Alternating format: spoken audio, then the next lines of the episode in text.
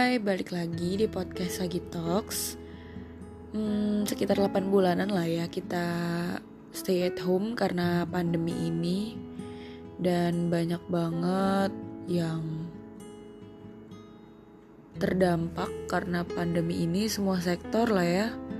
Sampai mempengaruhi ekonomi negara, keuangan pribadi, sampai mental health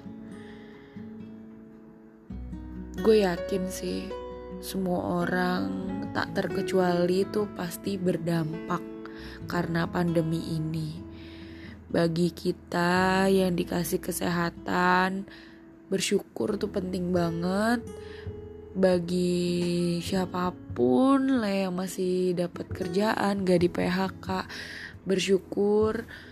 Bagi yang masih punya rumah, bisa berteduh, gak kepanasan, gak kehujanan, bersyukur yang masih tiap harinya mendapatkan nikmat makan yang enak, minum yang melimpah, bersyukur.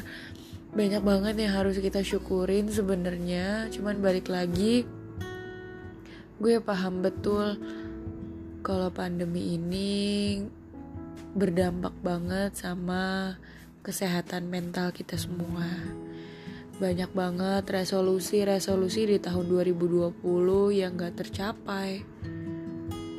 Banyak banget keinginan atau cita-cita kita yang jadi tertunda, ngerusak mood, mental, nguras air mata, dan segala macem banget lah ya.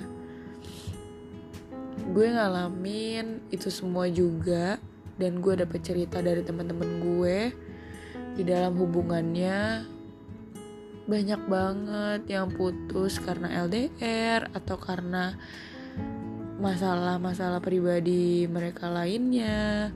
Tapi banyak banget juga kok yang nikah di tahun ini.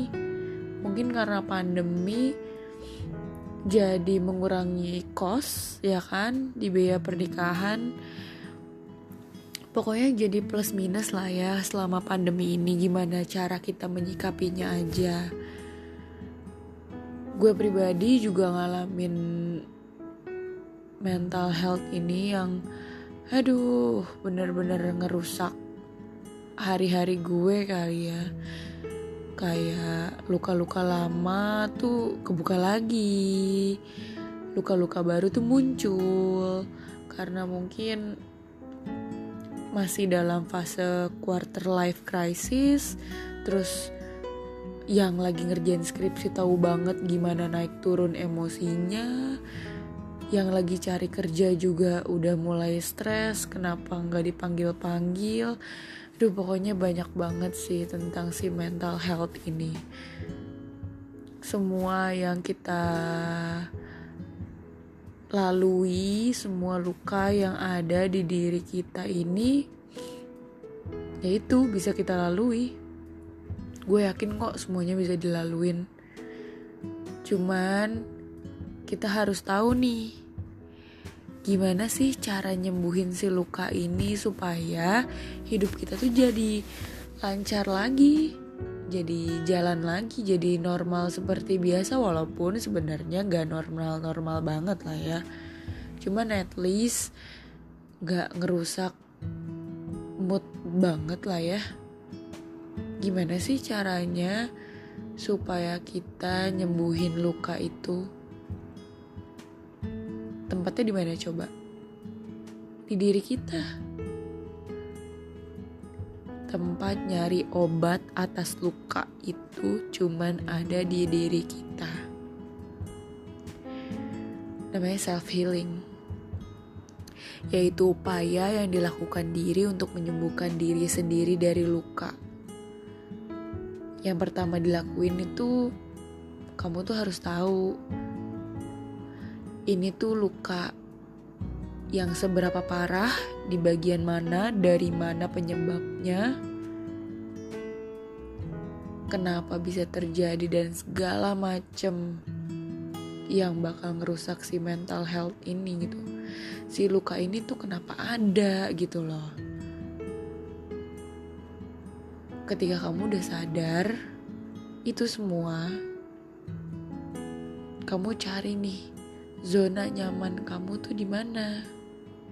Misalnya baik yang ekstro ekstrovert tuh pasti kayak nge-explore hal baru, komunikasi sama orang. Bagi yang introvert, mungkin berdiam diri di kamar, membuat karya lirik lagu, puisi ataupun um, cerita pendek atau apa pun zona nyaman kalian lah ya.